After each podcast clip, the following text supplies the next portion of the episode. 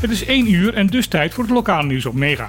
Bon tardi, ik ben Martijn Hischmuller en dit zijn de onderwerpen van vandaag. Vanaf volgend jaar wil het bestuurscollege van Bonaire weer zelf de lokale belastingheffingen gaan innen. Dit is te lezen op de website dossier Koninkrijksrelaties. Sinds 2010 is deze inning uitbesteed aan de Belastingdienst Caribisch Nederland. De lokale overheidsorganisatie op Bonaire bleek in die tijd niet goed bij machten te zijn om dit zelf te doen. Daardoor liep het OLB veel inkomsten mis. Hoewel dit besluit al tien weken geleden is genomen, blijkt volgens dossier Koninkrijksrelaties de Belastingdienst Caribisch Nederland hier nog niets van te weten.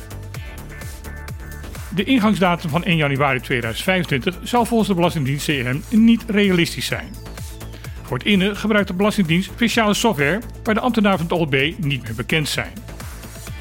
Ook wordt er vermoed dat de medewerkers van het OLB momenteel onvoldoende op de hoogte zijn wat de huidige wet en regelgeving is. Een door de redactie van de website geraadpleegde belastingdeskundige zou gezegd hebben dat OLB er verstandiger zou doen om niet aan deze bak ellende te gaan beginnen. Het bestuurscollege zegt een belangrijke stap te hebben gemaakt in het openbaar maken van de bestuursbesluiten. Hiermee komt de bestuurscoalitie tegemoet aan de kritiek die ze zelf in het verleden heeft geuit vanuit de oppositiebankjes. Het huidige bestuurscollege zegt dat vanaf nu alle bestuursbesluiten zijn terug te lezen via de website van de overheid van Bonaire. Hier is ook een archief met bestuursbesluiten die geraadpleegd kan worden. De beleidsbeslissingen van de lokale overheid kunnen teruggevonden worden vanaf het jaar 2020. Volgens de OLB worden klanten van de bouwbedrijven niet altijd goed voorgelicht. Daar wordt nu een brief gestuurd naar de verschillende ondernemers binnen de bouwsector om hen hierop te wijzen. Het bestuurscollege wil zo voorkomen dat er verwachtingen worden gewekt die niet realiseerbaar blijken te zijn. In november vorig jaar heeft BC bekendgemaakt te stoppen met het verder uitwerken van het ruimtelijk ontwikkelingsplan Bonaire 2023. Een regeling die onder het vorige bestuur al ter consultatie was gegeven aan de bevolking van Bonaire.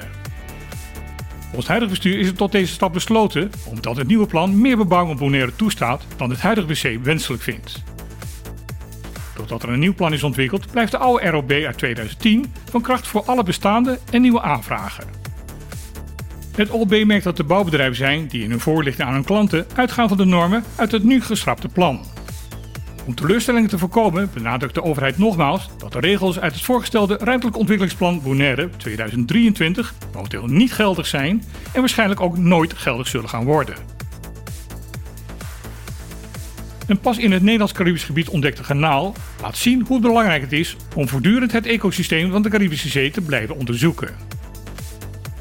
De Nature Alliance benadrukt dat er steeds bij elk onderzoek de kennis wordt uitgebreid om meer te begrijpen van deze ingewikkelde onderwaterecologie.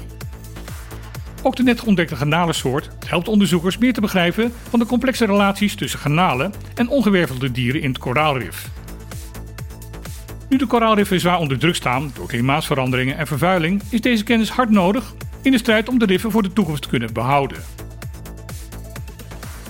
Dit was weer het lokaal nieuws van vandaag. Morgen van 12 tot 2 op de clip op deze zender.